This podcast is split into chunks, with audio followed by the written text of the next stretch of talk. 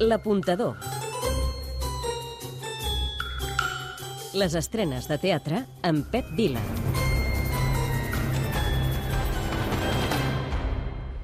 La Sala de Triomf i la Flyhard compleixen 10 anys.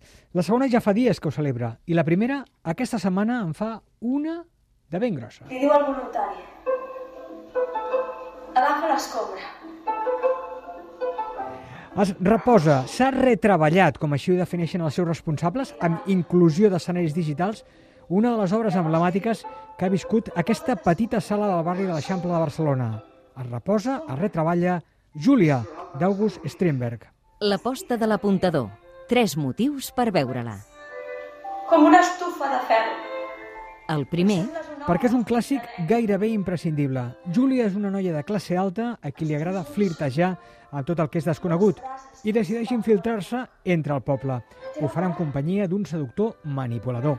el segon, perquè és una de les obres més conegudes d'un dels dramaturgs més importants de Suècia i reconegut arreu del món, que se'l considera un precursor del teatre de la crueltat i de l'absurd. A Júlia se centra en les relacions basades en la lluita de poder, el poder de l'home sobre la dona, el poder del ric sobre el pobre, malament res. el tercer, Perquè a banda de ser una de les obres de celebració del desè aniversari, l'acompanyaran obres com Les Germanes i Himmelweg, Júlia és un advertiment per la humanitat. Com podem acabar si no ens escoltem els uns als altres i només pensem en nosaltres mateixos? Hola, sóc el Carles Martínez i és l'apuntador qui us ho recomana. Doncs aquesta és l'estrena destacada d'una setmana on també podem assaborir tot això. Comencem caminant una mica. Sí, i busquem contrabolets, també. Ai, va, tira.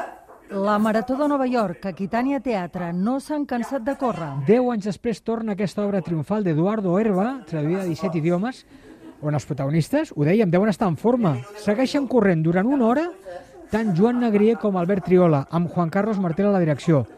Però l'excusa és córrer, perquè mentrestant parlen de les seves coses i plantegen qüestions a l'espectador. Per tant, la seva meta torna a ser entretenir i això, arribar a la meta.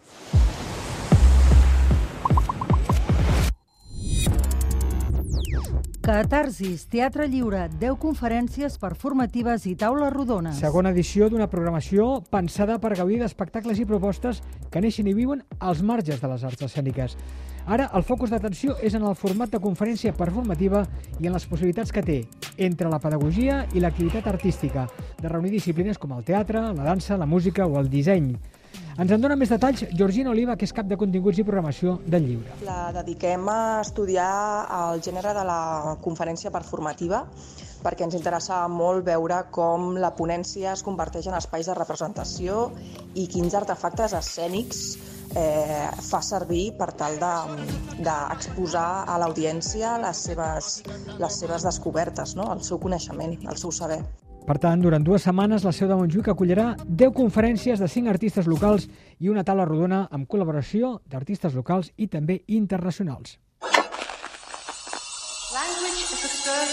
Litoral, Eòlia, sempre mou abat. Carol López dirigeix una aproximació a aquesta obra de l'autor d'incendis, on el protagonista Wilfrid inicia el seu personal camí per intentar descobrir qui és i d'on ve. Les recomanacions.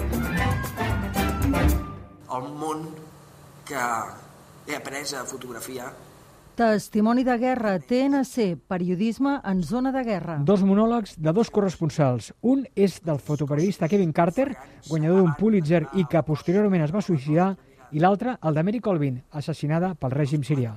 El millor. Tots dos monòlegs aconsegueixen transmetre el dolor de les seves vivències, de la guerra. Ho transmeten a l'espectador situat en una zona més o menys segura, lluny del conflicte. El pitjor, Doncs que potser s'haurien pogut combinar tots dos monòlegs i jugar una mica amb ells en comptes de fer primer un i després l'altre. un moment per recordar. Els dos monòlegs són brillants, però potser el de Pol López, que recorda una mica aquell magistral Ivan i els gossos de fa uns anys, també amb Pau Carrió de director, ens sacseja una mica més encara.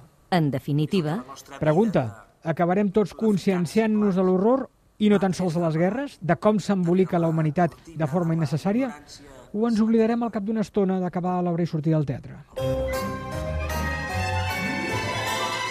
l'apuntador. Les estrenes de teatre amb Pep Vila.